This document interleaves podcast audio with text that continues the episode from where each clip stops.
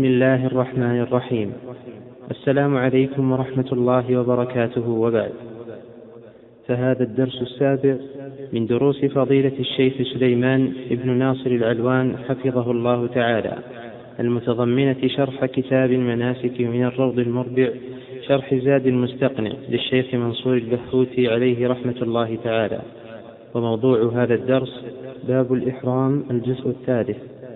وكان إلقاء هذا الدرس في اليوم السابع عشر من شهر ذي القعدة من عام ألف وأربعمائة وإحدى وعشرين. بسم الله الرحمن الرحيم. قال المؤلف رحمه الله تعالى تتمة لباب الإحرام. قال ومن أحرم وأطلق صح. أي إذا أحرم العبد إحراما مطلقا ولم يسمي صح إحرامه في الجملة لأنه قصد الحج في الجملة ويصح صرفه فيما بعد إلى ما يشاء وهذا يتأتى لمن لم يعرف تفاصيل المناسك فيعرف حكم الحج في الجملة ولا يعرف أن هذا قران أو هذا إفراد أو هذا تمتع فأحرم في الجملة. ثم تبين له فيما بعد أن الأفضل التمتع فيصرف حينئذ التمتع. أو إذا ساق الهدي فيصرف للقران. مؤلف يقول صرفه لما شاء.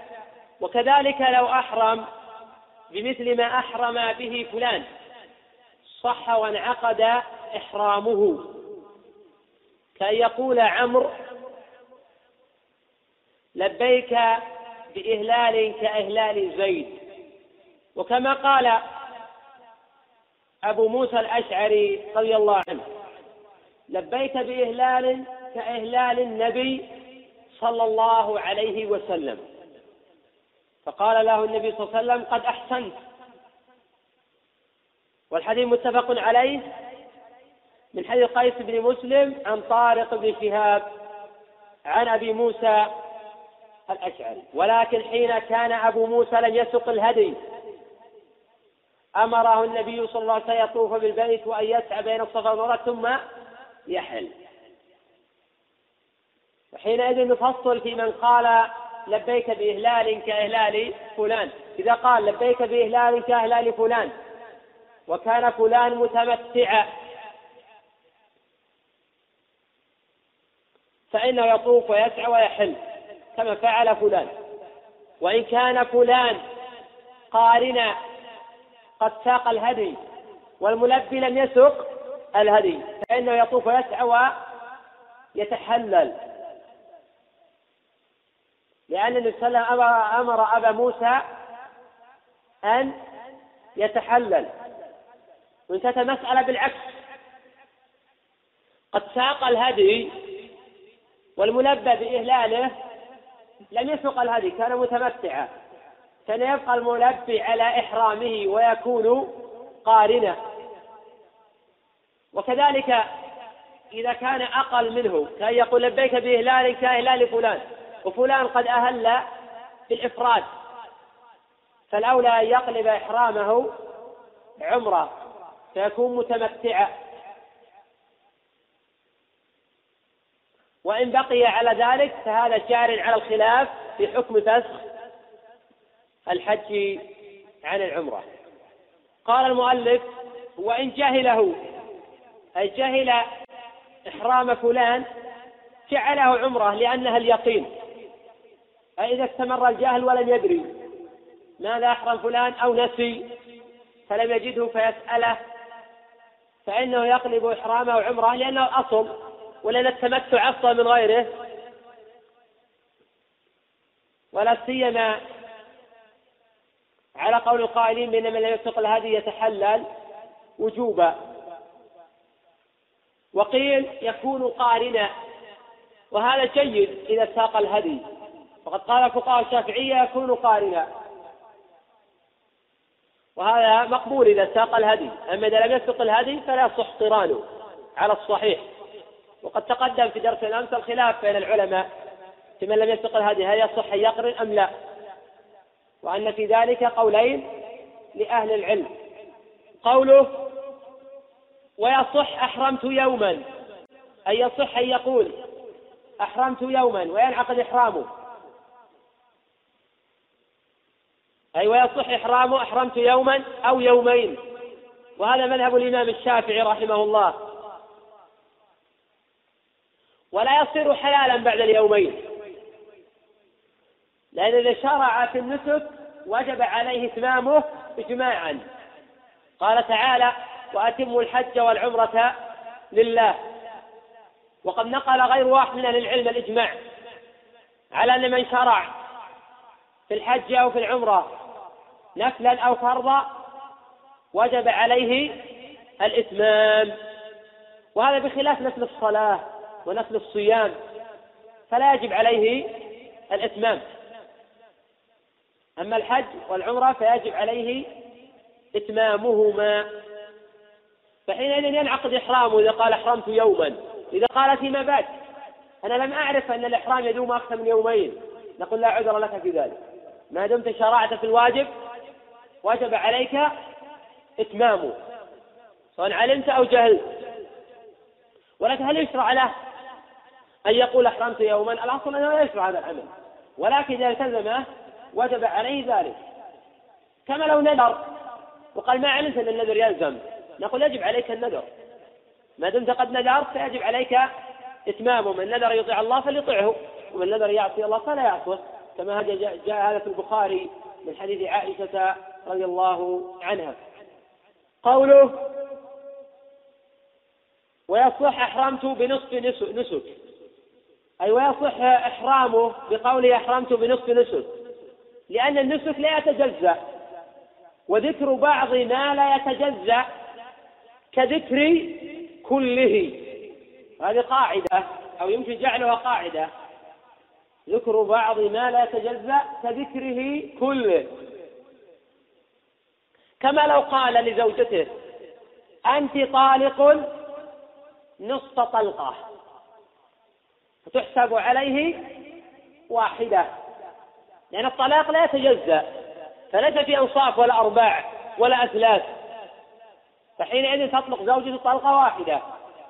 ولأنه أيضا إذا دخل في النسك لزمه إتمامه وقوله نصف نسك لا اعتبار له. قال المؤلف رحمه الله تعالى لا إن أحرم فلان فأنا محرم. أي فأنا محرم فلا يصح إحرامه. لعدم جزمه بذلك. فمن لم يجزم فلا يصح إحرامه ولأن الإحرام نية الدخول في النسك وهذا لم ينوي الدخول في النسك إنما علقه. قال المؤلف رحمه الله تعالى وإذا استوى على راحلته قال لبيك اللهم لبيك اختلف فقهاء الحنابلة متى يلبي. قيل يلبي بعد الاستواء على الراحلة. وهذا قول صاحب الزاد اختار جماعة من فقهاء الحنابلة وهو المذكور في المقنع وغيره أيضا. القول الثاني عند الحنابلة أنه يلبي عقب إحرامه فإذا استوى على راحلته وأحرم. يقول لبيك اللهم لبيك. الصحيح أن التلبية غير الإهلال وقد خلط بينهما كثير من الفقهاء. فيذكرون أحكام الإهلال كأحكام التلبية وبينهما فرق. فالإهلال هو الإهلال بالنسك ويطلق عليه التلبية بالنسك. وإذا أطلقت التلبية فالمراد لبيك اللهم لبيك وإذا قيل الإهلال فالمراد لبيك عمرة أو لبيك عمرة وحجا وفي الأمرين خلاف في الحكم بين الفقهاء. وقد جاء في صحيح الإمام مسلم من حديث عبيد الله عن نافع عن ابن عمر قال كان رسول الله صلى الله عليه وسلم إذا وضع رجله في الغرب وانبعثت براحلته قائمة أهل من ذي الحليفة وجاء في البخاري ومسلم من طرق وكان ابن عمر إذا استوت به راحلته قائمة استقبل قبلة ثم أحرم. ويقول هكذا رأيت النبي صلى الله عليه وسلم يفعل. فإذا أحرم بعد ذلك يشرع له التلبية. وليست التلبية هي الدخول في النسك أو الإهلال بما قصد كما تقدم التفريق بينهما. التلبية لبيك اللهم لبيك. لبيك لا شريك لك لبيك إن الحمد والنعمة لك والملك لا شريك لك وسيأتي إن شاء الله حكمها. وأما الإهلال أن يقول إذا كان ناويا العمرة يقول لبيك عمرة. والإهلال لا؟ يشرع تكراره. الإهلال بالنسبة لا يشرع تكراره إلا بقصد التعليم. أما التلبية يشرع تكرارها ورفع الصوت بها. حتى يدخل الحرم. فإذا دخل ابن الحرم قطع التلبية فإن كان قد قصد العمرة انتهت التلبية بذلك. وإن كان ناويا للحج كان قارنا أو مفردا. إذا فرغ من يفعل العمرة لا يزال يلبي حتى يرمي جمرة العقبة. وهكذا أيضا يلبي المتمتع يوم التروية إذا أحرم حتى يرمي جمرة العقبة. قوله لبيك اللهم لبيك. التلبية تكون بعد الإهلال وبعد ركوب الراحلة وبعد الإحرام كما تقدم.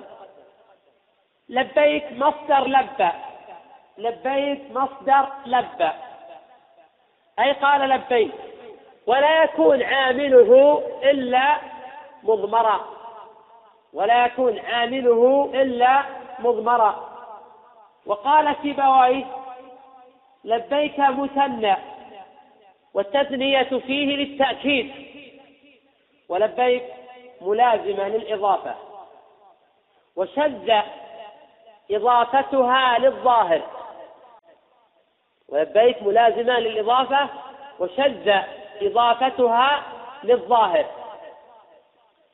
ومعنى لبيك أي أنا مقيم على طاعتك وإجابة أمرك.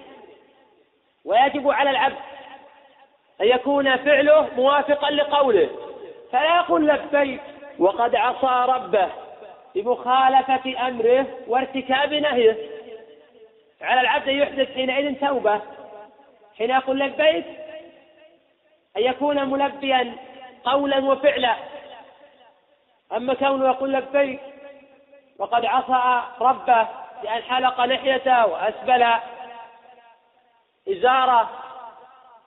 وقد تكون السجارة في يده ويقول لبيك اللهم لبيك. أين حقيقة التلبية؟ لبيك ليست مجرد لفظ. ليست مجرد لفظ تقال باللسان. مع الإصرار على مخالفتها. فلبيك بمعنى التوبة أيضا. الذي قال أنا مقيم على طاعة رجال فقد تخلى عن المعاصي. وقد عزم على أداء الواجبات. الأمر أكبر من هذا. بعض الناس يقول لبيك ثم إذا لمت به ملمة نادى عليا أو البدوي أو غير ذلك. وأشرك بالله رب العالمين. إنه من يشرك بالله فقد حرم الله عليه الجنة ومأواه النار وما للظالمين من أنصار. لبيك اللهم لبيك تأكيد لهذا. لبيك لا شريك لك. لا شريك لك. لا في القول ولا في الفعل ولا في القصد ولا في الإرادة لا في القليل ولا في الكثير. وهذا نفي للرياء من كل وجه. وهذا الكلمة تشتمل على كل معاني التوحيد. ولذلك قال جابر فأهل بالتوحيد. هذا هو التوحيد. فالمسلم لا ينفك عن معاني التوحيد في أي حالة من الحالات. فهو بحاجة إلى التوحيد في قيامه وقعوده وجلوسه وفي نومه. ولهذا يستفتح التوحيد في أول النهار ويختم التوحيد يبدأ بالتوحيد وينتهي بالتوحيد. قلنا صلاتي ونسكي ومحياي ومماتي لله رب العالمين لا شريك له. قوله إن الحمد والنعمة لك والملك لا شريك لك. وقد ذكر شيخ الإسلام رحمه الله تعالى بأن التلبية. إجابة دعوة الله لخلقه. حين دعاهم إلى حج بيته على لسان خليله إبراهيم عليه وعلى نبينا أفضل الصلاة والتسليم. والملبي هو المستسلم المنقاد. فإذا لبى فقد انقاد لأوامر الله. واجتنب نواهيه. وهذه التلبية مما أجمع المسلمون على مشروعيتها. وقد جاء في الصحيحين من طريق مالك عن نافع عن ابن عمر رضي الله عنهما قال إن تلبية رسول الله صلى الله عليه وسلم لبيك اللهم لبيك فذكر ذلك. وفي صحيح مسلم عن ابن عمر أن عمر كان يلبي ويهل بإهلال النبي صلى الله عليه وسلم ويزيد هؤلاء الكلمات. لبيك اللهم لبيك لبيك وسعديك والخير في يديك لبيك والرغباء إليك والعمل. وفي هذا دليل على جواز الزيادة. أما النبي صلى الله عليه وسلم فلم يكن يزيد على ما تقدم. ولكن أقر أصحابه على الزيادة.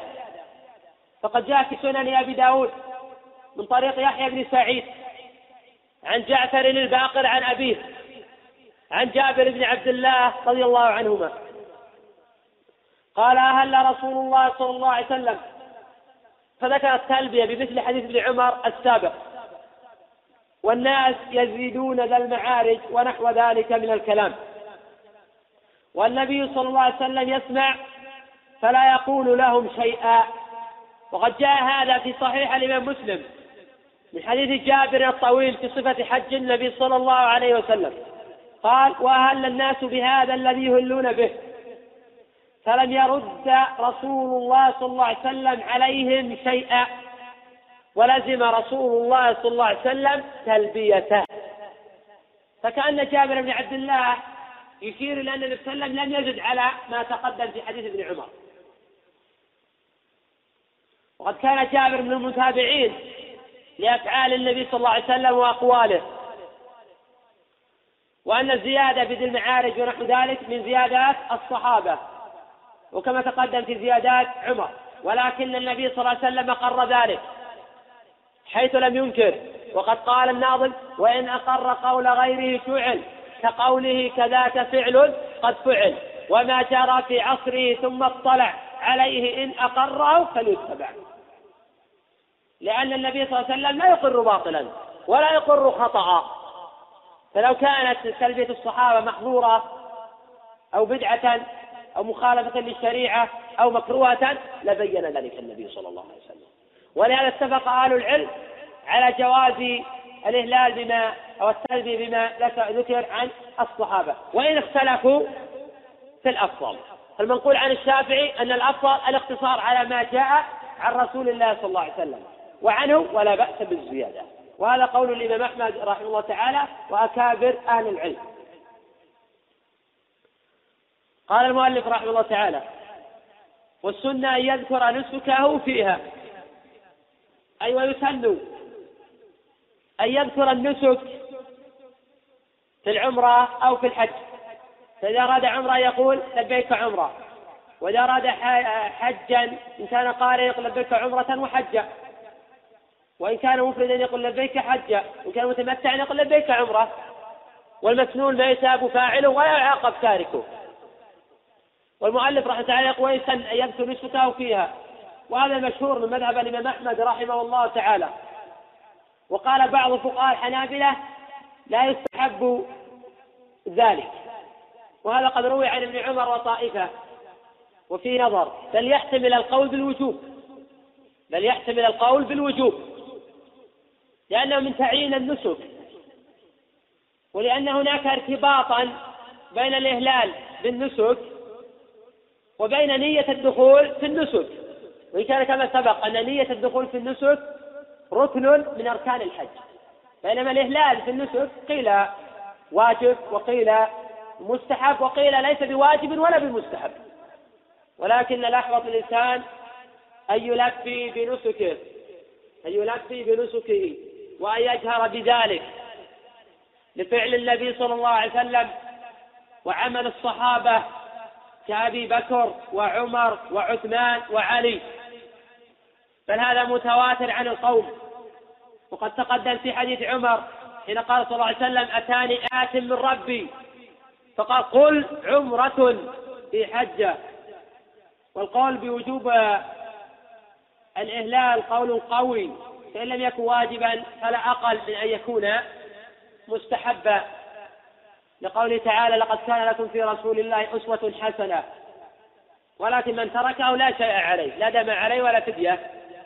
أما لو لم ينوي الدخول في النسك فلا حج له ولا عمرة.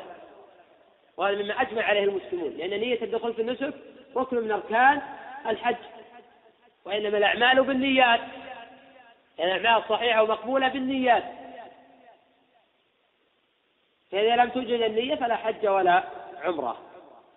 قوله وأن يبدأ القارن بذكر عمرته أي ويسن أن يبدأ القارن بذكر عمرته. حيث يقول لبيك عمرة وحجة. يقدم لفظ العمرة على لفظ الحج. لما تقدم في حديث عمر في البخاري. قل عمرة في حجة. فقدمت العمرة على الحج. ولأن أعمال العمرة تكون سابقة لأعمال الحج. قوله وإكثار التلبية. أي ويسن أن يكثر من التلبية. أي منذ أن يحرم حتى يدخل أدنى الحرم. إن كان معتمرا وإن كان قارنا أو مفردا. فيمسك عن ذلك حتى يفرغ من أعمال العمرة ثم بعد ذلك يشرع في التلبية حتى يرمي جمرة العقبة. وقد قال ابن عباس بأن المعتمر يمسك عن التلبية حين يستلم الحجر. وقول ابن عمر أصح فقد جاء في صحيح البخاري من طريق ابن علية قال أخبرنا أيوب عن نافع قال كان ابن عمر إذا دخل أدنى الحرم أمسك عن التلبية ويحدث أن النبي صلى الله عليه وسلم كان يفعل ذلك. والعلماء رحمهم الله تعالى مختلفون في حكم التلبية بعد الاتفاق على مشروعيتها. والعلماء رحمه تعالى مختلفون في حكم التلبية بعد الاتفاق على مشروعيتها. قيل سنة قيل التلبية سنة لا يجب بتركها شيء. وهذا مذهب الشافعي وأحمد. وقيل التلبية واجبة ويلزم بتركها دم. وأصحاب هذا القول يقولون بوجوب الدم على كل من ترك واجبا وقيل التلبية فرض الحج. وأنا محكي عن طائفة من التابعين. وقال ابن حزم رحمه الله تعالى في المحلى ونستحب أن يكثر من التلبية من حين الإحرام. ويرفع ويرفع الرجل والمرأة صوتهما بها ولا بد. وهو فرض ولو مرة. وفي قول ابن حزم رحمه الله تعالى نظر حيث لو قلنا بوجوب التلبية فلا يلزم من ذلك وجوب رفع الصوت هذا أمر زاد على وجوب التلبية. ففي من قال التلبية فرض وفي من قال التلبية فرض ورفع الصوت فرض. ثم ابن حزم رحمه الله تعالى لم يفرق بين حكم الرجال وحكم النساء وهذا سوف يأتي إن شاء الله بحثه في آخر هذا الباب. وفي الجملة فالتلبية مشروعة بالاتفاق. فإذا قيل بالوجوب فالواجب مرة واحدة. وما زاد على ذلك فهو سنة. قال المؤلف رحمه الله مشروعية للرجال والنساء. إلا أن جماهير العلماء منهم الأئمة الأربعة يرون أن المرأة تخفض صوتها حيث لا يسمعها الأجنبي عنها. وإذا لم يكن تم أجنبي فلا بأس أن ترفع صوتها على خلاف بين أهل العلم. قال المؤلف رحمه الله تعالى وتتأكد أي التلبية إذا علا نشزا بالفتح أو هبط واديا أو صلى مكتوبة أو أقبل ليل أو نهار أو التقط الرفاق أو سمع ملبيا أو فعل محظورا أو ركب دابته أو نزل عنها أو رأى البيت. يقول المؤلف أن هذه الأمور يستحب فيها وعندها التلبية وهذا مأثور عن جماعة من السلف. وفي ذلك حديث مرفوع من حديث جابر عن النبي صلى الله عليه وسلم إنه كان يلبي في حجته إذا لقي راكبا أو على أكما أو هبط واديا في إدبار الصلاة المكتوبة وفي آخر الليل. وهذا الخبر لا يعرف له إسناد. وهو خبر منكر. وقد ذكر الحافظ ابن حجر رحمه الله تعالى في التلخيص أن ابن عساكر في أحد كتبه رواه ولكن هذا خبر منكر. وذكره الزيلعي في نصف الراية. ولكن جاء هذا عن جماعة من السلف كما ذكر ذلك إبراهيم فيما روى عن السعيد بن منصور أنهم كانوا يستحبون ذلك. وذكر هذا شيخ الإسلام رحمه الله تعالى في شرح العمدة. وعزاه لطائفة من السلف وأكد هذا الأمر. وهذه الأمور كلها لم يثبت فيها نص. ولم يذكر ذلك جابر بن عبد الله في سياق حجته للنبي صلى الله عليه وسلم. ولا ذكر ذلك ابن عمر ولا ذكر ذلك ابن عباس ولا نقول ذلك إلينا بأسانيد الصحاح إنما جاء في البخاري من حديث جابر قال كنا إذا صعدنا كبرنا وإذا نزلنا سبحنا وهذا عام حال الإحرام وغيره. أما تقييدها التلبية في مثل هذه الأمور هذا يحتاج إلى دليل والأصل في العبادات المنع حتى يثبت دليل في ذلك. وقد لجأ بعض أهل العلم إلى القياس فقال إذا شرع التكبير حين الصعود والتسبيح حين الهبوط في حديث جابر في البخاري فلن تشرع التلبية من باب أولى. وفي هذا القياس نظر لأمرين. الأمر الأول أنه لا قياس العبادات ولا سيما أن التعليل في مثل هذه العبادة لم يثبت إلا من أقاويل أهل العلم. وحين يقال لا قياس في العبادات ليس هذا على إطلاقه. فالعبادات نوعان. النوع الأول ما جاء التعليل في أحكامها. القياس يصح في هذه المسألة في الجملة إذا توفر الشرط وانتفت الموارع النوع الثاني ما لم يثبت تعليل فيه. هذا لا يصح القياس فيه بأي حال من الأحوال. هذا أقوله في الجملة وتحتها هذين الأمرين تفريع وتفصيل ليس هذا محله الأمر الثاني الاعتراض الثاني على هذا القياس أن هذا انعقد سببه في عهد النبي صلى الله عليه وسلم وأمكن فعله ولم يفعل هذا مبطل للقياس. المشروع إذا للحاج وغيره إذا صعد أن يكبر وإذا هبط أن يسبح. وما بين ذلك تحصل التلبية قبل وبعد وما بين ذلك. قال المؤلف رحمه الله تعالى ويصوت بها الرجل. أي يجهر بالتلبية. واستدل المؤلف على ذلك بحديث السائب بن خلاد. أن النبي صلى الله عليه وسلم قال اتاني جبريل فأمرني أن آمر أصحابي يرفعوا أصواتهم بالإهلال والتلبية. صححه الترمذي. هذا الخبر رواه مالك وأحمد وأهل السنن وابن خزيمة وابن الجارود من طرق عن عبد الله بن أبي بكر ابن محمد بن عمرو بن حزم. عن عبد الملك ابن أبي بكر بن عبد الرحمن ابن الحارث عن خلاد بن السائب عن أبيه عن النبي صلى الله عليه وسلم. قال أبو عيسى وروى بعضهم هذا الحديث عن خلاد بن السائب عن زيد بن خالد عن النبي صلى الله عليه وسلم ولا يصح. والصحيح هو عن خلاد بن السائب عن أبيه. هذا كلام أبي عيسى رحمه الله تعالى. وقال ابن عبد البر رحمه الله تعالى وهذا الحديث اختلف فيه اختلافا كثيرا وأرجو أن رواية مالك أصح أي عن عبد الله عن عبد الملك عن خلاد بن السائب عن أبيه عن النبي صلى الله عليه وسلم. وصححه ابن خزيمة وابن الجارود وجماعة.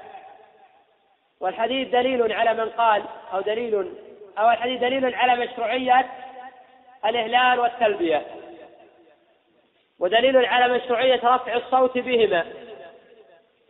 وقد احتج به من قال بوجوب الإهلال والتلبية. والواجب كما تقدم يصدق فعله بمرة واحدة لأنه قد تقدم أن الإهلال ليس تكراره إلا على وجه التعليم أما التلبية فيشرع تكرارها والواجب على ظاهر هذا الحديث مرة واحدة فما زاد فهو مستحب. قال المؤلف رحمه الله تعالى وإنما يسمى الجار بالتلبية في غير مساجد الحل وأمصاره. وقال الإمام أحمد رحمه الله تعالى التلبية إذا برز عن البيوت إذا برز عن البيوت. وقال إذا أحرم في مصره لا يعجبني أن يلبي واحتج على هذا بما رواه فيما ذكره عنه أبو داود رحمه الله تعالى في مسائله لأحمد رواه عن محمد بن فضيل عن ليث عن عطاء عن ابن عباس. أنه سمع رجلا يلبي بالمدينة فقال إن هذا لمجنون التلبية في البيوت إنما التلبية إذا برزت وظاهر الكراهية في من أحرم من بلده. وأما الذي يحرم من المواقيت ويمر بالمساجد والقرى فلا يدع التلبية. قوله وفي غير طواف القدوم والسعي بعده. وهذا واضح كما تقدم. قال وتشرع بالعربية. أي وتشرع التلبية بالعربية لقادر وإلا فبلغته وقال شيخ الإسلام رحمه الله تعالى في شرح العمدة ولا يجوز أن يلبي بغير العربية ويقدر على التلبية بالعربية أو على تعلمها لأنه ذكر مشروع فلم يجوز إلا بالعربية كالأذان أي لا يصح إلا بالعربية تكبيرات تكبيرات المقيدة تكبيرة الصلاة ونحوها فلا تصح إلا بالعربية. قال وغير ذلك من الأذكار المشروعة. وقد جاء نحو هذا في المغني لابن قدامة رحمه الله تعالى. صحيح في المسألة أن التلبية بالعربية تجب لمن كان قادرا على العربية.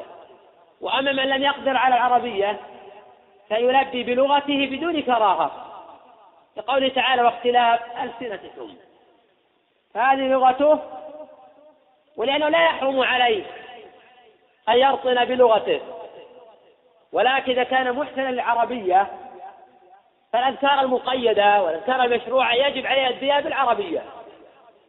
كما أنه يحرم عليه أن يكبر تكبيرة الإحرام بغير العربية وتكبيرة الواجبات بغير العربية كما أنه يحرم عليه أن ينادي بغير العربية الأذان بغير العربية. وأما الخطبة ففيها تفصيل لأهل العلم. إذا كان المستمعون من العرب فيجب عليه يخطب بالعربية. وإذا كان المستمعون من العجم ولا ينتفعون بالعربية فلا بأس يخطب بالأعجمية. قوله ويسن بعدها دعاء وصلاة على النبي صلى الله عليه وسلم. وقد جاء في ذلك حديث رواه الدار قطني من طريق صالح بن محمد بن زائدة عن عمارة بن خزيمة عن أبيه أي خزيمة بن ثابت. أن النبي صلى الله عليه وسلم كان إذا فرغ من تلبيته سأل الله مغفرته ورضوانه واستعاذ برحمته من النار. وهذا خبر ضعيف لا يحتج به. صالح بن محمد قال عنه أحمد ما أرى به بأسا. ولكن ضعفه يحيى بن معين وعلي بن المديني وقال البخاري منكر الحديث. تركه سليمان بن حرب. وقال الدار قطني ضعيف الحديث. وقد زاد صالح في آخر الحديث قال سمعت القاسم بن محمد يقول كان يستحب للرجل إذا فرغ من تلبيته أن يصلي على النبي صلى الله عليه وسلم. وهذا تابع لما قبل كل ضعيف لأن مدار على صالح بن محمد وهو منكر الحديث كما قال البخاري وكما تركه سليمان بن حرب وغيره. حين لا يشرع هذا بعد الفراغ من التلبية. لأن هذه عبادة والعبادة لا بد لها من دليل صحيح. قال المؤلف رحمه الله تعالى وتخفيها المرأة بقدر ما تسمع رفيقتها. أي وتخفي المرأة التلبية والإهلال بقدر ما تسمع رفيقتها. وقد نقل غير واحد من العلم الاتفاق على ذلك. أي الاتفاق على عدم جهر المرأة أو على عدم جهر المرأة أو جهرها عند الرجال. وإذا لم يسمعها أجنبي فلها أن تجهر. وقيل الأفضل أن تخفي ذلك مخافة الفتنة ومخافة أن يسمعها أجنبي. والمؤلف رحمه تعالى علل بالفتنة ولم يقل بأن الصوت عورة لأن صوت المرأة ليس بعورة ولكنه فتنة. وقد اختلف الفقهاء رحمه تعالى صوت المرأة فقيل عورة وهذا لا يصح ولا دليل عليه. ولو كان صوته عورة لما جاز لها أن تخاطب الرجال مطلقا إلا للضرورة. ولذلك حين أن وجه المرأة عورة فلا تكشف للرجال مطلقا إلا إذا أراد يراها الخاطب. وللضرورة كعلاج ونحوه. القول الثاني صوت المرأة ليس بعورة ولكنه فتنة. وهذا الصحيح فإن صوت المرأة فتنة. ولهذا شرع للمرأة إذا نادى الرجل شيء في صلاته أن تصفق ولم يشرع لها أن تسبح لأن صوتها يفتن الرجال. وقد روي عن ابن عمر وابن عباس وطائفة من التابعين أن المرأة لا ترفع صوتها بالتلبية. وقد ذكر البيهقي في السنة الكبرى وابن أبي شيبة بن مصنف آثارا كثيرة عن السلف. من عدم جهل المرأة بالتلبية. وذكره بعض أهل العلم إجماعا. وقال ابن حزم رحمه الله تعالى بأن المرأة كالرجل فكما يشرع للرجال الجار يشرع للنساء الجار. كما هو فرض على الرجال هو فرض على النساء. وقال رحمه الله تعالى بأنه لم يثبت تخصيص للرجال دون النساء. وضعف الآثار المروية عن ابن عمر وابن عباس. وباعتبار أنه لا يعتبر قضية الإجماع لم يصغ له. غير أنه رحمه الله تعالى أورد أثرا صحيحا. أورد أثرا صحيحا وهذا الأثر الذي رواه ابن أبي شيبة في المصنف بسند صحيح. من طريق عبد الرحمن بن القاسم عن أبيه. قال خرج معاوية ليلة النفر. فسمع صوت تلبية فقال من هذا؟ قالوا عائشة اعتمرت من التنعيم. فذكر ذلك لعائشة. فقالت لو سألني لأخبرته فهذا إسناد صحيح إلى عائشة. وقد كانت تجهر بالتلبية. حتى سمع معاوية من بعد ولم ينكر ذلك عليها معاوية. ولا أنكر على عائشة أحد من الصحابة ولا من التابعين. بل فعلها دليل على أنه غير محظور فلذلك الصحيح في هذه المسألة مراعاة المصالح ودرء المفاسد. إذا كان بجار المرأة مفسدة وافتتان للرجال بها فيجب عليها أن تخفض صوتها. حيث لا تسمع إلا النساء ولا تسمع الرجال الأجانب. وإذا لم يكن بصوتها فتنة كالعجوز الطاعنة في السن فلا مانع أن تجهر بالتلبية لفعل عائشة رضي الله عنها والإسناد لها من أصح الأسانيد. ولا سيما أنه لم ينكر عليها أحد. ولا سيما أيضا أن العلة من النهي عن رفع الصوت هي مخافة الفتنة.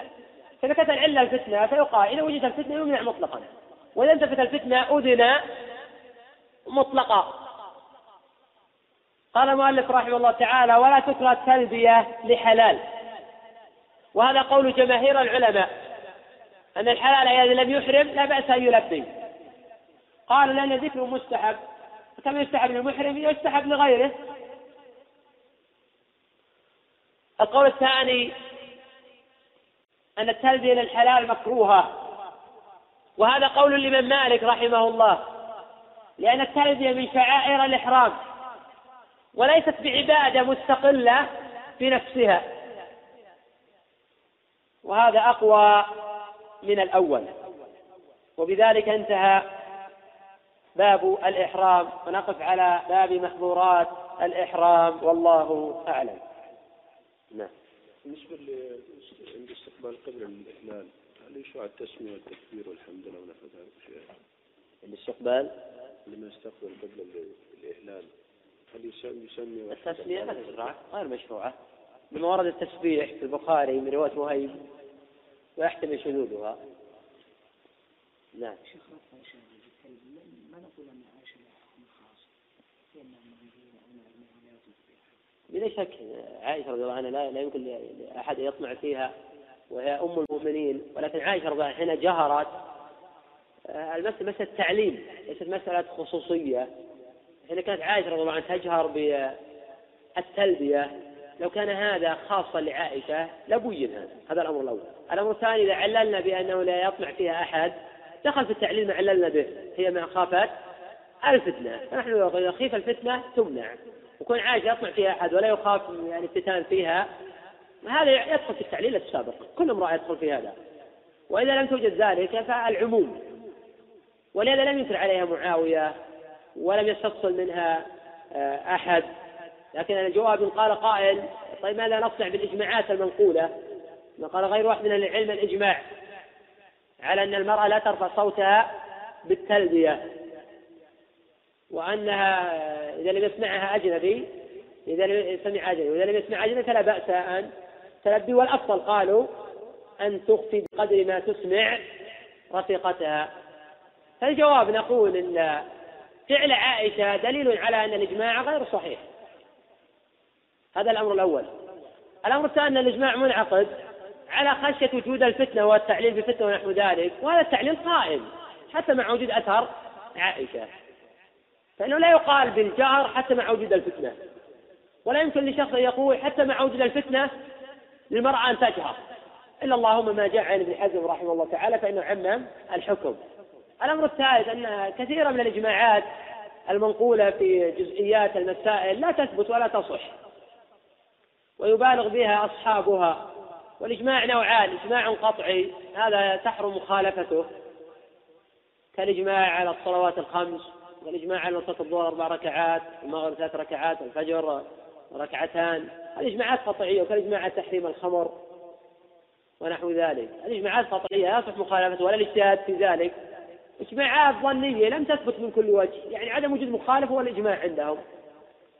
هذا نوعان. النوع الأول إذا لم يثبت عن أحد خلافه وتواتر نقل إجماع عن السلف فليس يحتاط لدينه لا يخرق هذا الإجماع ما دام ما عن أحد الصحابة ولا السلف خلافه.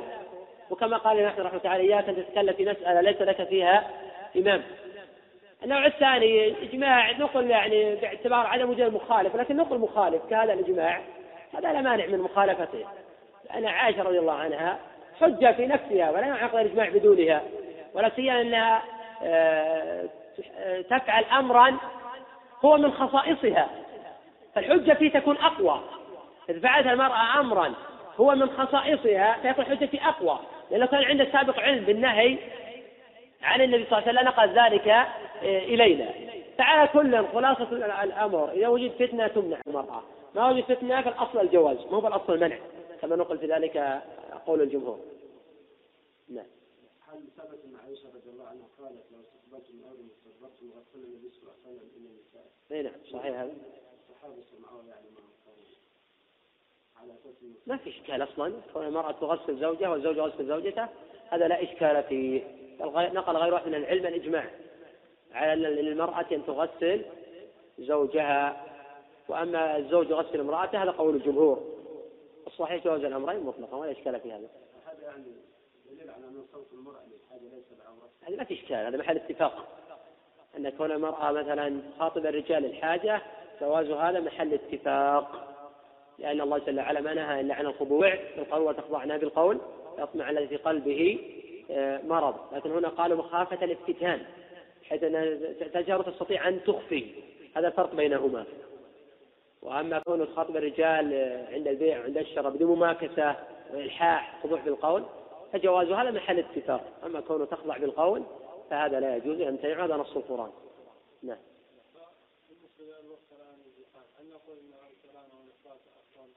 نقول لا لا أفضل التمتع لمن لم يسق الهدي. ومن سق الهدي فالقرآن أفضل.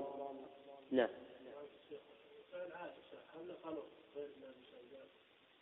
لا يلزم ينقل غيرنا بشيء ابن أبي شيبة إمام ثقة وهو من كبار الأئمة وهو شيخ وأكابر أهل العلم. ومرتبته في العلم متقدمة أيضا متقدمة على الإمام البخاري وعلى الإمام أحمد وعلى طبقة هؤلاء. مقدمة في السن على طبقة هؤلاء. فنقول حجة وهذا جاء بأصح الأسانيد عن عائشة رضي الله عنها. والله شيخ في كلام معاوية ليس هناك إنكار على عائشة أو إنكار على رفع الصوت للنساء أصلا لما قال من لا إنكار ليلة النفر يلبي. أنكر التلبية ليلة النفر فقال أنا اعتمرت من التنعيم ولا أنكر. ثم أيضا لو قدر أن معاوية أنكر قالت لو سألني لأخبرته لأخبرته أن إنكاره غلط لكن ما ما أريد هذا أصلا ولا ينبغي التفت لهذا. ما يحتمل لأنه جاء في الصحيحين لا ما يلزم من هذا. كانت تلبي كان النساء يلبين ولا ذكر عن أحد المنع من ذلك في أسانيد صحيحة.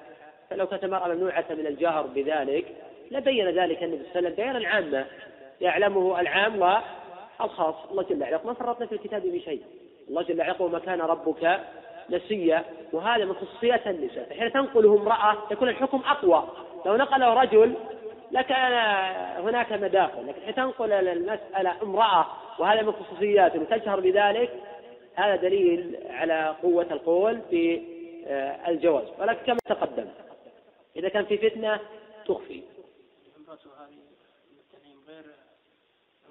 غير هذا في عهد معاوية رضي الله عنه. ما في مانع.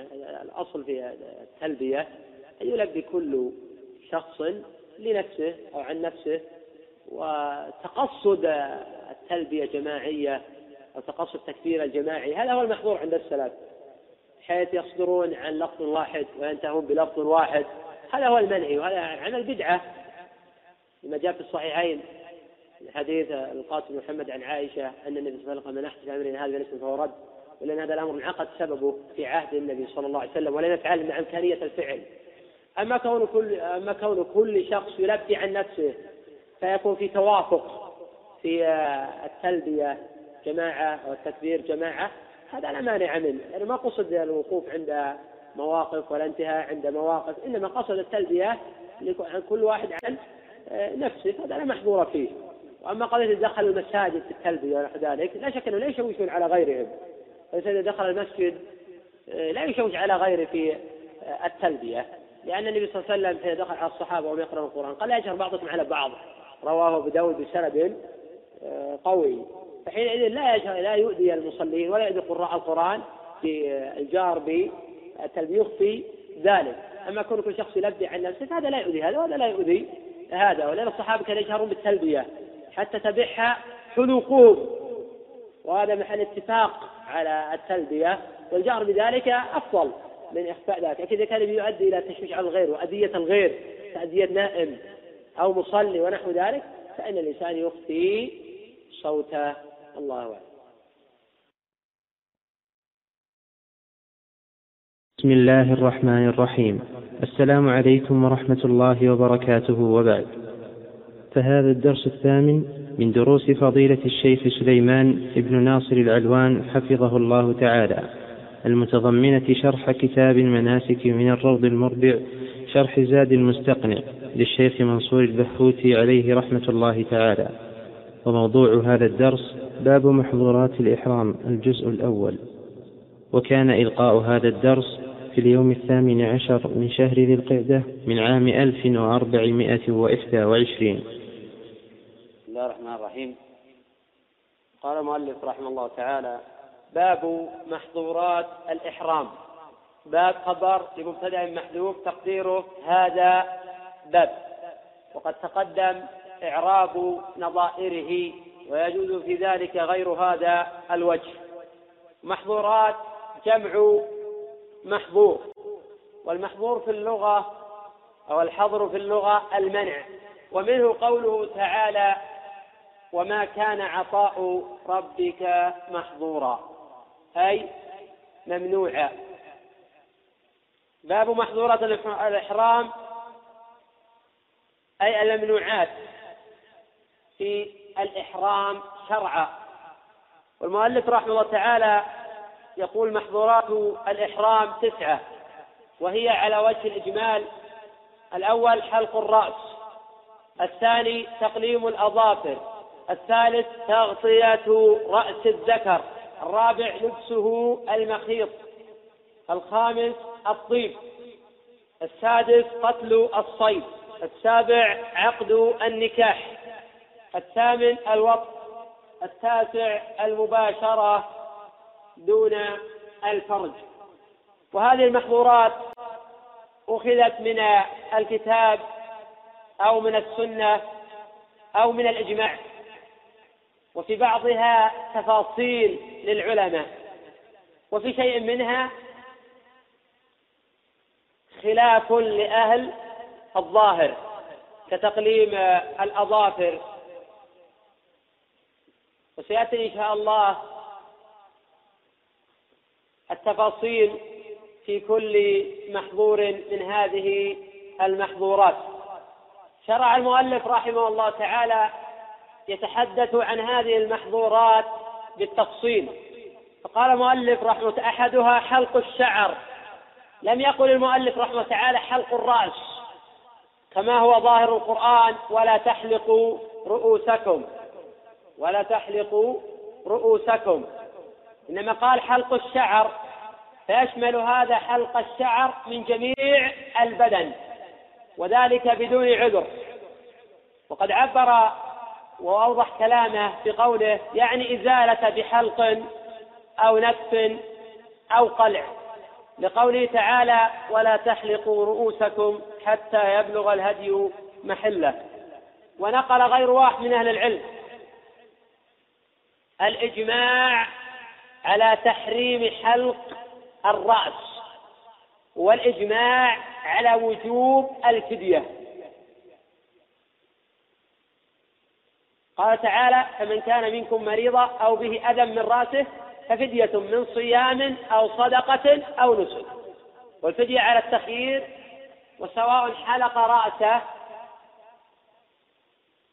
لعذر أو غيره ولكن كان حلق الرأس لعذر فتجب فيها الفدية ويسقط الإثم وإن كان حلق الرأس بدون عذر فتجب فيها الفدية مع الإثم المتفق عليه. وأما حلق شعر البدن دون الرأس فقد قال الأئمة الأربعة وجماهير العلماء سلفا وخلفا إن حكم شعر البدن كحكم شعر الرأس. على خلاف بينهم في تحديد الكفارة. فقال أبو حنيفة إن حلق عضوا كاملا ففيها الفدية وأقل من العضو في الصدقة. بينما قال الإمام أحمد والشافعي في الشعرة الواحدة طعام مسكين وفي الشعرة طعام مسكينين وفي الثالث شعرات دم وقيل غير ذلك. بينما ذهب جماعة من أهل العلم إلى أن حكم شعر البدن غير شعر الرأس للمحرم وليس في شعر البدن شيء. ذكره ابن عبد البر رحمه الله تعالى في التمهيد عن جماعة من العلماء. واختار أبو محمد بن حزم رحمه الله تعالى أنه لا إثم ولا فدية. لأن النص لم يأتي إلا بحلق الرأس. فنبقى على النص وما عدا الأصل فيها الإباحة. ولو كان القياس صحيحا لجاء الخبر بالنهي عن حلق الشعر. ما جاء تقييد الرأس. فقيل ولا تحلقوا شعوركم. والآية ولا تحلقوا رؤوسكم.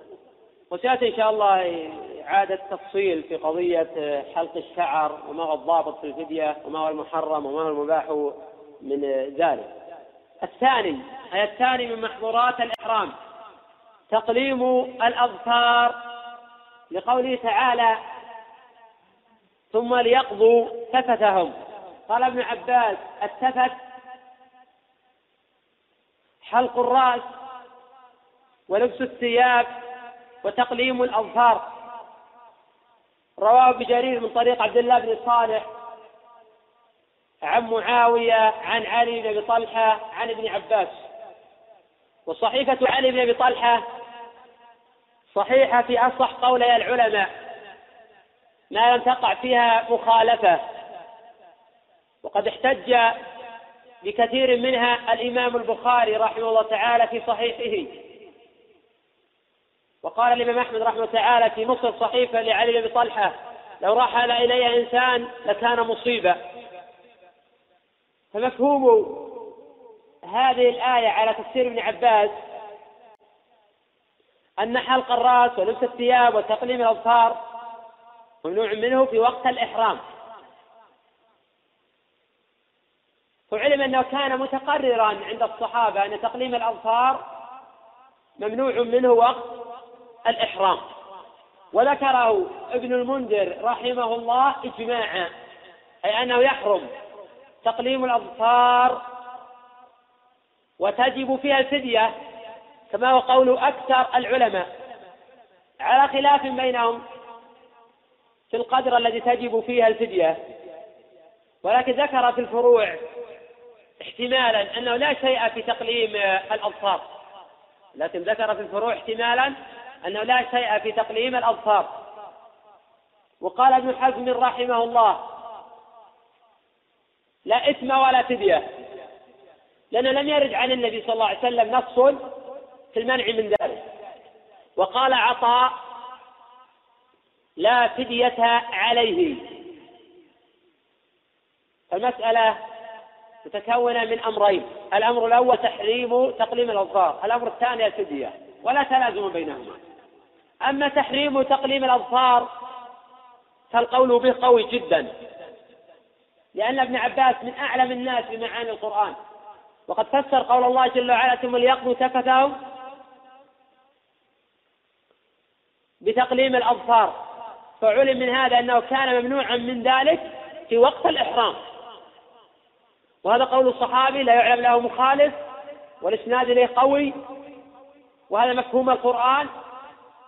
زيادة على هذا الإجماع الذي نقله ابن المنذر. ولا أنتقد بقول عطاء السابق لأن عطاء قال لا فدية علي ولم يقل لا إثم عليه لأن هناك طائف من العلماء يقولون يأتم ولكن لا فدية عليه لعدم ورود النص لعدم صحة القياس على من تلبس بمحظور ولا سيما على القول الصحيح.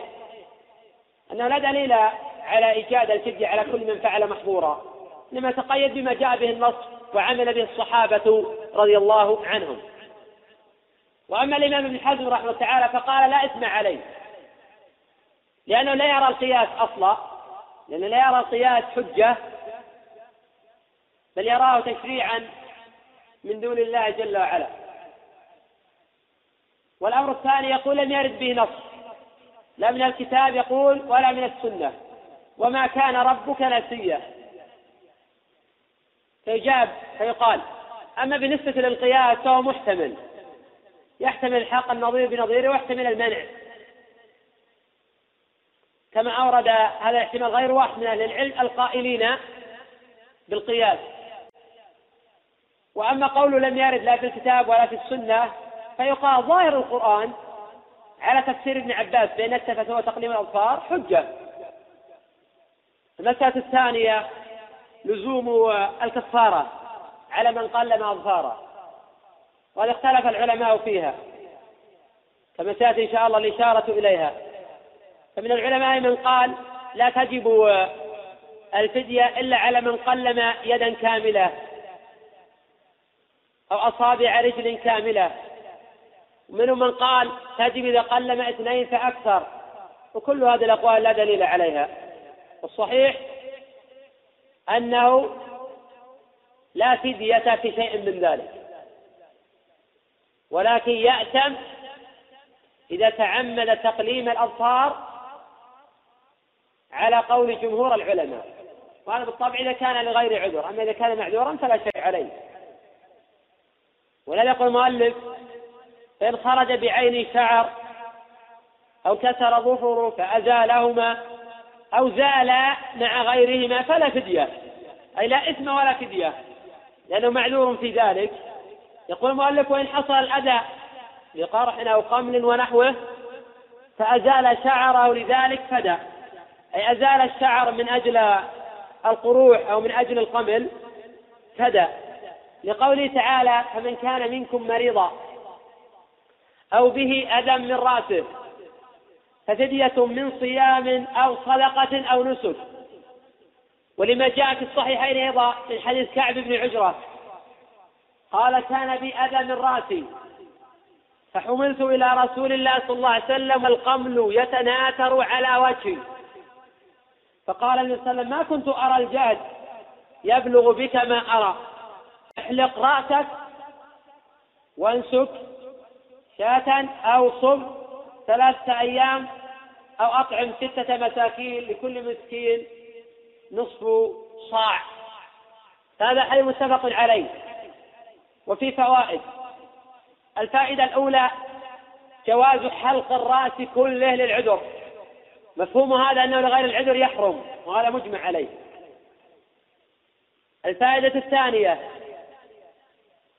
أن حلق الرأس كله يوجب الفدية. وهذه الفدية على التخيير. وهذه الفدية على التخيير. إن شاء أن يصوم ثلاثة أيام. وإن شاء أن يذبح شاة أو شبهها.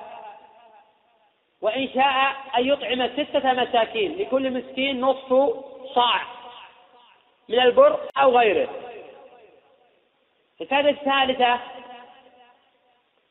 أن النبي صلى الله عليه وسلم لم يبين له موضع الكفارة. ولهذا ذهب عامة التابعين إلى أنه يجوز أن يذبح في غير الحرم. كما أنه يجوز أن يصوم في غير الحرم وأن يطعم في غير الحرم. وذهب بعض العلماء إلى أن الدم يجب أن يكون في الحرم وفيه نظر صحيح الأول. كما جاز الصيام في غير الحرم جاز النسك في غير الحرم. وهذا ليس في كل دم. إنما الكلام الآن على فدية الأذى. وأما بقية الدماء وأين تذبح فسيأتي إن شاء الله الحديث عنها في بابها. وسيأتي إن شاء الله الحديث عن إذا عن كونه إذا حلق بعض الرأس ولم يحلق الرأس كله. حديث الآن ولزوم الفدية على من حلق رأسه كله. قال المؤلف رحمه الله ومن حلق رأسه بإذنه أو سكت ولم ينهه فدى لأنه شبه مباشر لذلك ولا شيء على الحالق ولكن إن كان الحالق عالما بالحكم فيأتم ولا فدية عليه لأن النص أتى في المحلوق لا في الحالق. قال المؤلف رحمه الله تعالى ويباح للمحرم غسل شعره بسدر ونحوه. وذلك لقوله صلى الله عليه وسلم في الرجل الذي وقصته راحلته اغسلوه بماء وسدر. والحديث متفق عليه من حديث ابن عباس. ولأن هذا الرجل قد بقي على إحرامه. لقوله صلى الله عليه وسلم ولا تخمروا رأسه فإنه يبعث يوم القيامة ملبيا. وعلم أنه بقي على إحرامه وأذن النبي صلى الله عليه وسلم بتغسيله بماء وسدر. فعلم أن السدر لا شيء فيه. وهذا مذهب أحمد رحمه تعالى في المشهور عنه. وهو الصحيح من مذهبه. وعليه أكثر أصحابه. وعن فقهاء المالكية والشافعية والأحناف تفاصيل في ذلك. وقد منعوا جماعة منهم. وضموا إليها الخطمي والصحيح أنه لا شيء في اغتسال المحرم بالسدر ونحوه. ولو مع مظنة تساقط الشعر. والحكم عام للرجال والنساء. سواء اغتسل لحاجة أو اغتسل تبردا أو تنظفا أو غير ذلك كله جائز. ولو مع مظنة تساقط الشعر. قال المؤلف رحمه الله تعالى فمن حلق شعرة واحدة أو بعضها فعليه طعام مسكين. قال فقهاء الحنابلة لأنه أقل ما يجب شرعا وعن الحنابلة قالوا قبضة طعام لأن لا تقدير في ذلك. قال فإن حلق شعرتين أو بعض الشعرتين فطعام مسكينين وهذا مذهب الشافعي أيضا. قال وثلاث شعرات فعليه دم وهذا مذهب الشافعي أيضا. وهذا مجرد اجتهاد من هؤلاء الأئمة رحمهم الله.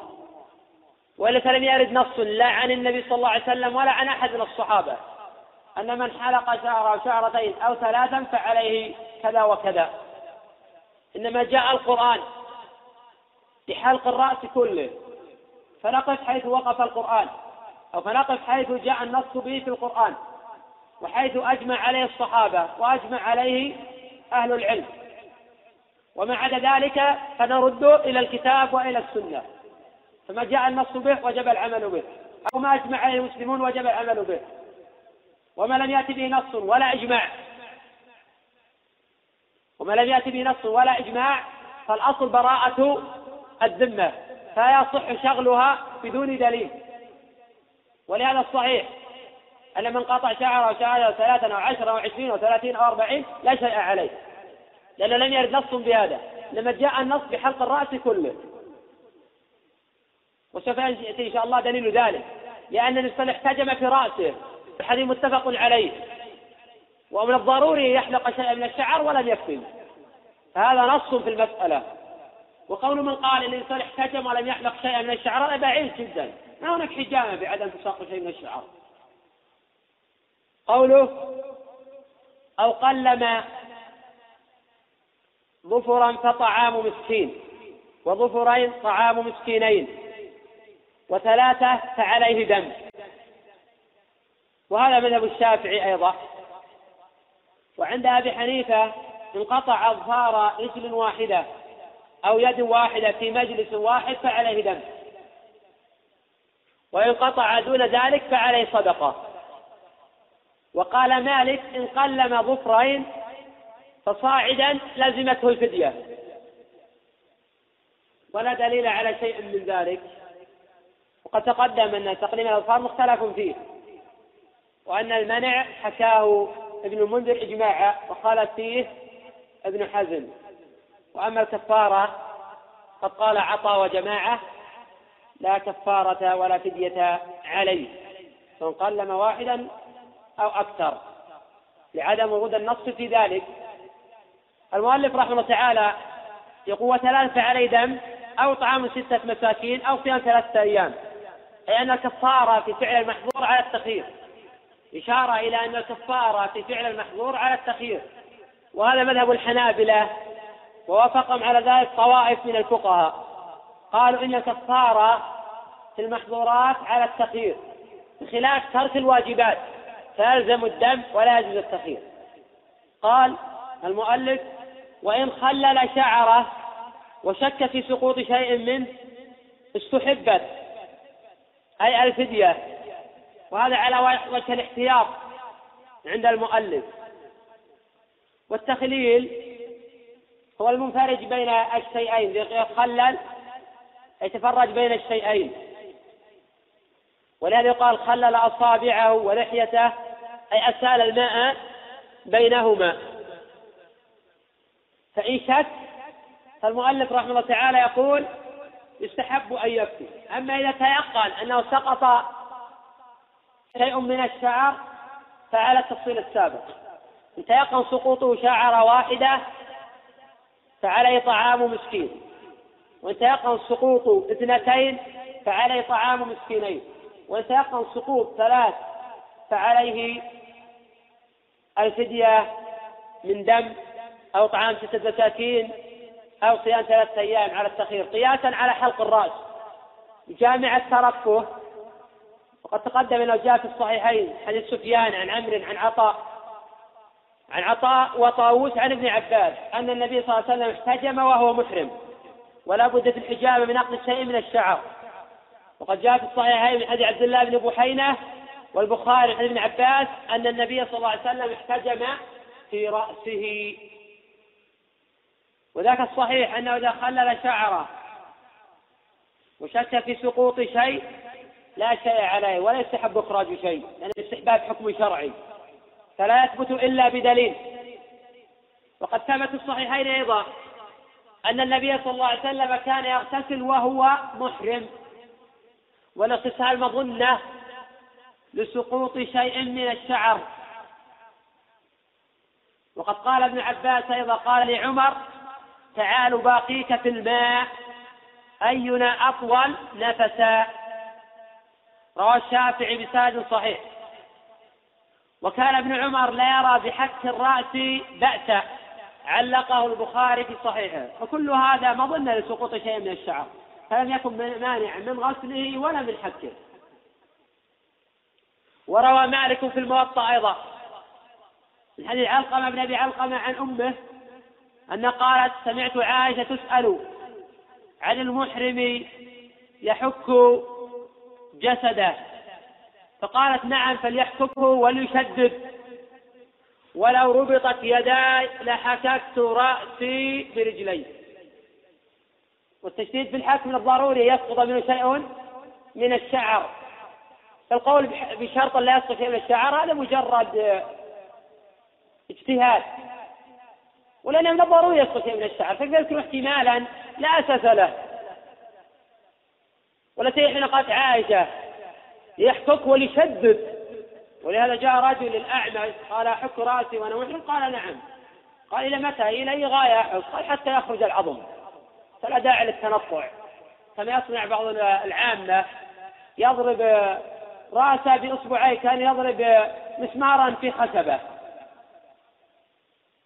خير الهدي هدي رسول الله صلى الله عليه وسلم وشر الأمور محدثاتها. وهذه أم المؤمنين من أعلم الناس السنة ومن أعلم الناس بهدي رسول الله صلى الله عليه وسلم. تنفي هذا تقول فليحكك وليشدد ولو ربطت يداي لحككت راسي برجلي. وكما تقدم عن ابن عمر وعن جماعة أنهم أفتوا بحك الرأس وأنا لا بأس به مع ما أظن سقوط شيء من الشعر. شعرة شعرتان أكثر أقل لا يضر ذلك. المحرم تقصد حلق الرأس كله إن كان لعذر عليه فدية بالإثم إن كان لغير عذر فالفدية مع مع الإثم. الثالث من محظورات الإحرام تغطية رأس الذكر. قيده المؤلف رحمه الله تعالى بالذكر وذاك للاحتراز عن الأنثى. فيجوز أن تغطي رأسها إجماعا بل يجب عليها عند الأجانب. وكما يجوز للمرأة أن تغطي رأسها إجماعا يحرم على الرجل أن يغطي رأسه إجماعا. لقوله صلى الله عليه وسلم في الذي وقصته راحلته ولا تخمروا رأسه. متفق عليه من طريق أيوب عن سعيد بن جبير عن ابن عباس. والمؤلف رحمه الله تعالى ذكر الرأس ولم يذكر الوجه فهو مختلف فيه. والصحيح جواز تغطية الوجه. والرواية الواردة في صحيح مسلم. ولا تخمر وجهه شاذة وقد أعرض عنها الإمام البخاري رحمه الله تعالى وثبت عن أكابر الصحابة كعثمان وزيد وابن الزبير وجماعة أنهم يخمرون وجوههم. وقد قال الإمام أحمد رحمه الله تعالى في رواية أبي داود له أن يغطي وجهه وحاجبيه. قال المؤلف رحمه الله تعالى ومن غطى رأسه بملاصق فدى سيأتي إن شاء الله تقسيم تغطية الرأس بملاصق. نتحدث الآن عن هذه المسألة في الجملة ثم نأتي للتفصيل. قال المؤلف ومن غطى رأسه بملاصق فدى وهذا قول أكثر أهل العلم. فرع على هذا المؤلف قال سواء كان معتادا كعمامة وبرنس البرنس كل ثوب رأسه منه. وقد أجمع العلماء على تحريم العمامة والبرنس للمحرم. لما في الصحيح عن مالك عن نافع عن ابن عمر قال سئل رسول الله صلى الله عليه وسلم عما يلبس المحرم؟ فقال لا يلبس العمائم ولا البرانس الحديث فالملاصق كالعمامة والبرنس ويلحق بذلك الشماغ والغترة والطاقية. كل هذه الأمور محرمة. فلا فرق بين الشماغ وبين العمامة. والقياس واضح هنا. ولأن العلة الملاصقة. للحديث السابق ولا تخمروا رأسه. قال المؤلف سواء كان معتادا كعمام ورد أم لا كقرطاس وطين ونور وحنة أو عصبة بالسيف. الصحيح أن هذه الأمور لا شيء فيها. لأن عليه وسلم ملبدا؟ كذلك لو عصب رأسه بعصابة لا شيء في ذلك. قوله أو استظل في محمل بكسر الميم وفتحها. يقول راكبا أو لا ولو لم يلاصقه. وعن أحمد رحمه الله تعالى رواية أنه لا بأس بالمحمل والقبة والهودج. لأنه لا فرق بين هذه الأمور وبين الاستظلال بالخيمة والشجرة ونحو ذلك. فلا يجوز الاستظلال بهذه الأمور مطلقة معذورا أو غير معذور استثنى المؤلف رحمه الله تعالى مما أجمل قال لا إن حمل عليه أي حمل على رأسه شيئا. يقول لا بأس بذلك. لو استظل بخيمة أو شجرة أو بيت. العلة عنده قال أنه لا يقصد بذلك الترفه عادة. ولأنه منفصل عنه غير تابع. ويمكن أن نقول أو يمكن تقسيمه. ستر الرأس بالملاصق إلى أقسام. لأن غير الملاصق يجوز مطلقا على الصحيح. لأن غير الملاصق يجوز مطلقا على الصحيح. ولكن يمكن تقسيم ستر الرأس بالملاصق إلى أقسام. الأول تلبيد الرأس بعسل أو حنة ونحو ذلك. بعسل للرجل أو بحنة للمرأة فهذا جائز. ولا شيء في ذلك. وقد لبد النبي صلى الله عليه وسلم رأسه. والتلبيد يجوز للرجال والنساء. الثاني أن يغطي رأسه بشيء غير مقصود. أن يغطي رأسه بشيء غير مقصود. كحمل المتاع ونحوه. فهذا مباح ولا شيء فيه. لأنه ليس مقصودا منه الستر. أو لأن الستر غير مقصود لذاته. فالمقصود حمل المتاع وشبهه. الثالث أن يستره بما يلبس عادة على الرأس كالعمامة والبرنس والشماغ والغترة ونحو ذلك. فهذا محرم ولا أعلم خلافا في ذلك. الرابع أن يغطي رأسه بغير ملبوس عادة ولكنه يقصد به التغطية. أن يغطي رأسه بغير ملبوس عادة ولكن يقصد به التغطية. فهذا محرم. للحديث المتفق عليه السابق ولا تخمروا رأسه. قال المؤلف رحمه الله تعالى الرابع أي الرابع من محظورات الإحرام لبس المخيط وإليه إشارة بقوله وإن لبس ذكر مخيطا فدا قبل الحديث عن الفدية في لبس المخيط نتحدث عن المقصود بالمخيط. المخيط هو المصنوع على قدر العضو وذلك مثل القميص والسراويل والخفاف والجوارب ونحو ذلك. باستثناء المرأة فلها أن تلبس ما شاءت من الثياب ولكن تجتنب الثياب المعطرة والنقاط والقفازين ومع ذلك ستلبسه. يلحق بالمخيط المصنوع على قدر العضو بدون خياطة. كي ينسج نسجا أو يلصق بلصوق على قدر العضو بحيث يكون كالمخيط. والفقهاء يعبرون بالمخيط بناء على الغالب وإلا فهذا اللفظ لم يرد عن النبي صلى الله عليه وسلم ولا عن أحد من الصحابة. لكنه مستنبط من حديث ابن عمر في الصحيحين. حين سئل النبي صلى الله عليه وسلم عما يلبس قال لا يلبس المحرم القميص أي على البدن إذا كان مفصلا على البدن.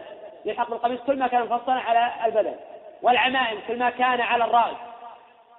ولا البرانس ولا السراويلات. ولا الخفاف إلا أحد لا يجد نعلين فليلبس الخفين وليقطعهما حتى يكون أسفل من الكعبين. ولا يلبس ثوبا مس ورس أو زعفران. هذا حديث متفق عليه من طريق مالك عن نافع عن ابن عمر. سوف يأتي إن شاء الله تعالى أن قطع الخفين منسوخ.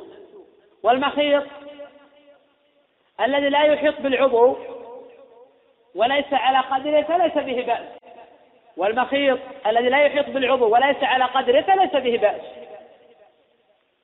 فلو طرح ثوبا على كتفيه فلا شيء في ذلك. الممنوع هو المصنوع على قدر الأعضاء من لباس مخيط أو لباس معتاد. ومن لبس مخيطا بهذا المعنى كاهلا أو ناسيا أي كي يلبس ثوبا أو سراويل أو عمامة جاهلا أو ناسيا فلا إثم عليه ولا فدية. قال تعالى ربنا لا تؤاخذنا إن نسينا أو أخطأنا. وإن كان متعمدا فهو آثم بالاتفاق وفي الفدية خلاف وقد ذهب أكثر أهل العلم إلى وجوب الفدية. وقال ابن حزم لا فدية عليه. ونصر هذا الشوكاني رحمه الله في السيل الجرار وجماعة من المتأخرين. وقد تقدم أنه على القول بلزوم الفدية أنها على التخيير. طعام ستة مساكين أو صيام ثلاثة أيام أو ذبح شاة. وهذه الفدية في من لبس مخيطا ليس منصوصا عليها إنما هي قياس على من حلق رأسه. بجامع فعل المحظور والترفه على القول بأن العلة في النهي عن حلق الرأس هو آه، الترفه مع أن الله جل وعلا ذكر الأذى. قال المؤلف رحمه الله تعالى ولا يعقد عليه رداء ولا غيره. ولا يعقد عليه رداء ولا غيره. لقول ابن عمر ولا يعقد عليه شيئا. ذلك لما جاء عند الشافعي عن سعيد عن مسلم بن جندب قال جاء رجل يسأل ابن عمر وأنا معه فقال أخالف بين طرفي ثوبي من ورائي ثم أعقده وأنا محرم. فقال عبد الله لا تعقد شيئا. وقد روى الشافعي أيضا من طريق طاووس قال رأيت ابن عمر يسعى بالبيت وقد حزم على بطنه بثوب. وهذا علقه البخاري رحمه الله تعالى في صحيحه. ولذلك الصحيح أنه يجوز عقد الرداء وما أشبهه. وهذا اختيار شيخ الإسلام ابن تيمية رحمه الله تعالى. فقد قال والأشبه جوازه. لأنه ليس على تحريم ذلك دليل إلا ما نقل عن ابن عمر والرواية عنه مختلفة. المؤلف استثنى قال إلا إزارة أي فله عقد ومنطقة منطقة ما شددت به وسطك. وهميانا. الهميان يشبه سكة السراويل؟ يوضع فيها الدراهم والدنانير ويشد على الحقو قال سعيد بن المسيب لا بأس بالهميان للمحرم. رواه أبو بكر بن أبي شيبة رحمه الله تعالى في المصنف. وقال عطاء يتختم ويلبس الهميان. رواه البخاري معلقا. ووصله ابن أبي شيبة وغيره. قال المؤلف رحمه الله تعالى وإن لم يجد نعلين لبس خفين أو لم يجد ازارا لبس سراويل إلى أن يجد أي نعلين أو إزارا. يقول ولا فدية. وهذا المشهور في مذهب الإمام أحمد رحمه الله تعالى وعليه أكثر أصحابه. فقد نص الإمام أحمد رحمه الله تعالى في غير ما رواية. أن من لم يجد النعلين فليلبس الخفين ولا يقطعهما. ومن لم يجد الإزار فليلبس السراويل ولا يفتقه ولا إثم ولا فدية. ونصر هذا القول شيخ الإسلام ابن تيمية رحمه الله وتلميذه ابن القيم. وذاك لما روى البخاري ومسلم من طريق شعبة عن عمرو بن دينار عن جابر بن زيد.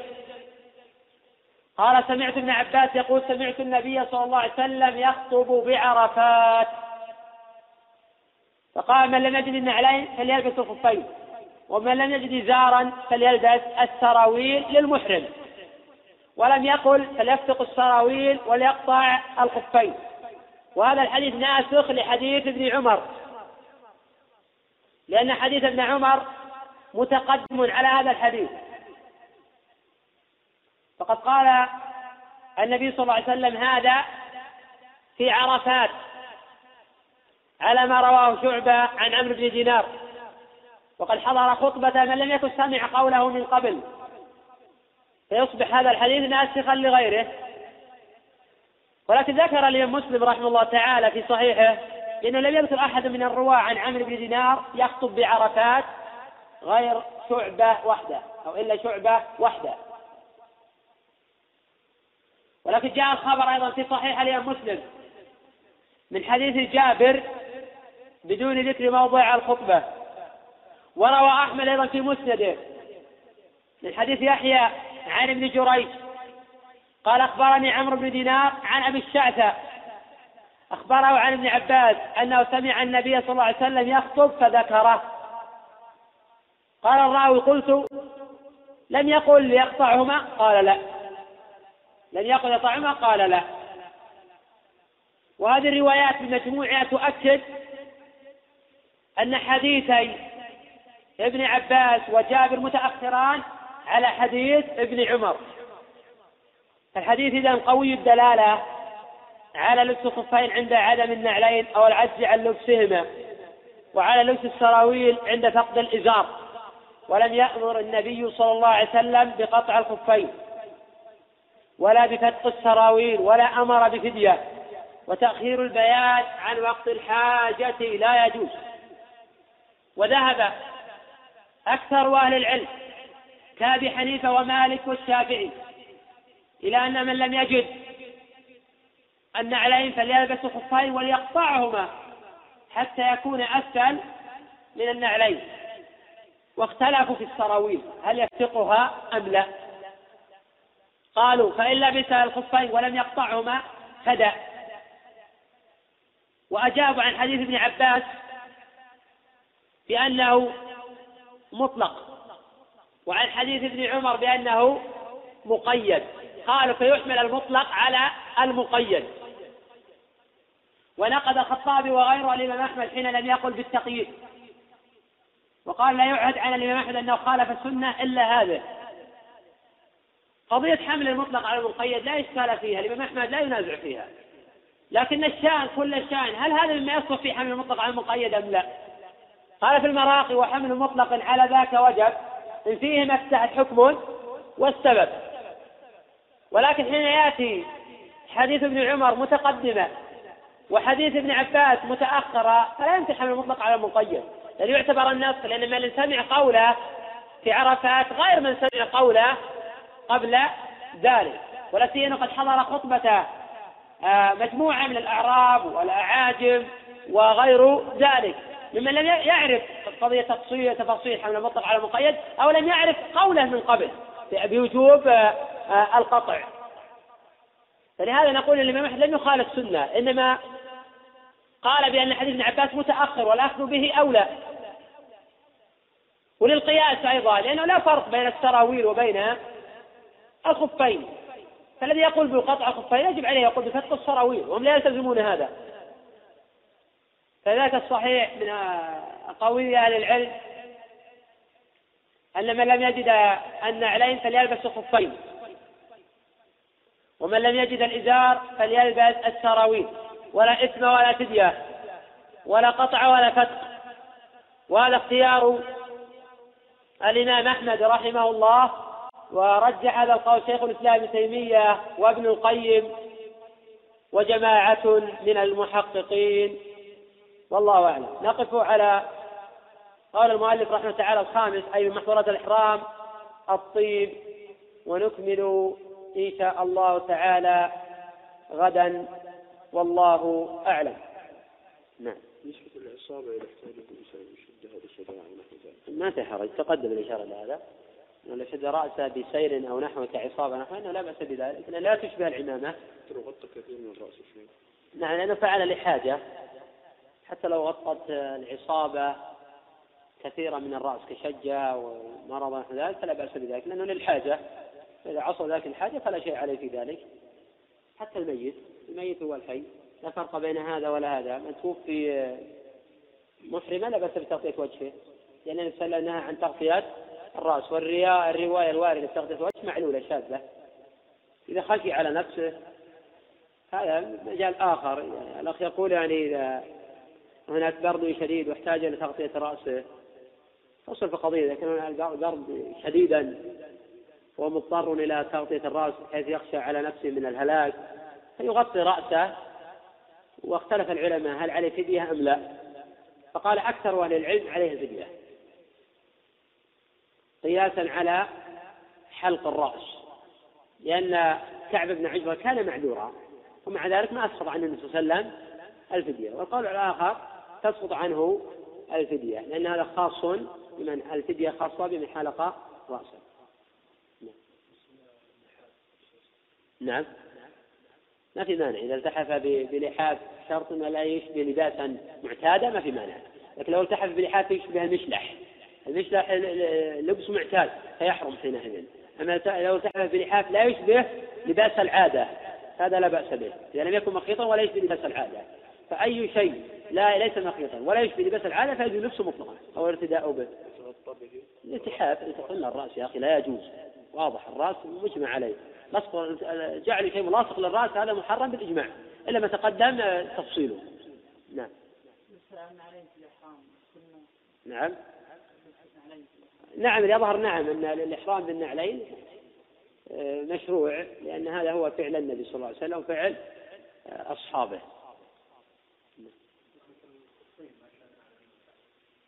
إذا كان الخفان أسفل من الكعبين فلا حاجة إلى قطعهما.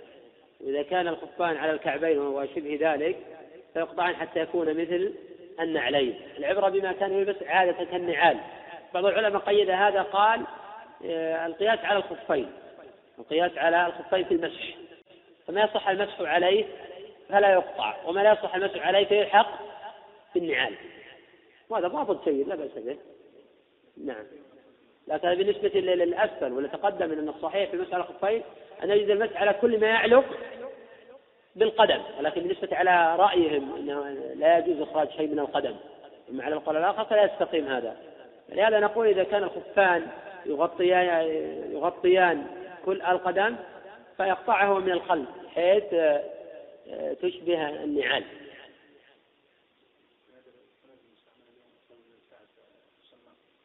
إيه تحسهم لأن يجوز المسح عليها. لأن يجوز المسح عليها فيمتنع. نعم. لا ما يلزم. يلبس عادة بدون إدخال اليدين نعم. لا ما يلزم لأن في رواية تقديم النسك على الصدقة الكفارة كلها على التخيير يفعل الإنسان ما هو الأرفق في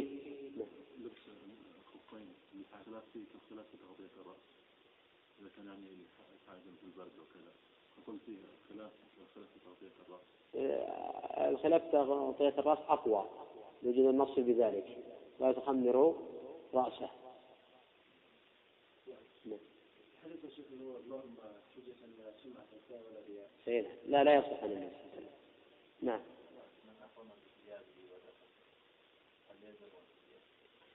يجب على الإنسان أن يحرم من المواقيت المكانية التي حددها رسول الله صلى الله عليه وسلم وأجمع عليها أهل آه، العلم.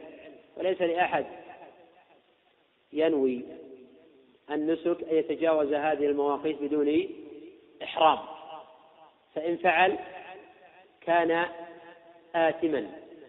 فإذا لبس ثوبه فإذا تجاوز المواقيت آه، لبس الإزار والرداء فهو آثم بهذا الفعل. هل عليه الكفارة الفدية أم لا؟ قولان للعلماء. وما إنسان لا يلجأ لهذا ولا سيما إذا كان الحج نفلا أو العمرة آه، نفلة على القول بوجوب العمرة. ينبغي الإنسان ألا يلجأ إلى هذا لأنه حينئذ يفعل محرما ليؤدي نافلة أو مستحبة وهذا جهل في الفقه وجهل بالأحكام الشرعية. ولا يعتقد الإنسان أنه إذا فدى ولو كان متعمدا برئت ذمته لأن بعض الناس جاهل يتصور أنه يجوز أن يفعل المحرم إذا فدى لا يضره ولا يأتم هذا غلط. فإنه يأتم ولو فدى إذا كان متعمدا وغير معذور. فعل محظورا متعمدا غير معذور فإنه آثم ولو فدى. تجب عليه التوبة والاستغفار والإقلاع عن ذلك. يتصور الإنسان أنه إذا كان يملك مالا لا هو أن يدع الواجبات ويفعل المحظورات وأن يفتي وقد برئت ذمته. الصحيحين يقول صلى الله عليه وسلم من حج لله فلم يرفض ولم يفسق رجع من ذنوبك كونته أمه والذي يدع الواجبات متعمد ويفعل المحظورات هذا قد فسق. يجب على الإنسان يتقي ربه جل وعلا ولا يتصور أن المسألة مجرد أن يفتي انتهت انتهى أمره وانتهت قضيته. إذا كان معذورا نعم. يفعل المحظور وعلى القول بالفدية وخلافاتها هذا لا يؤثر. أما كون يتعمد ولا يبالي ويقول أفدي هذا غير صحيح. فلا يحق لأي شخص يتجاوز المواقيت إلا محرما. ولا رد هذا إلى ترك العمرة إذا كان أو الحج إذا كان مستحبا.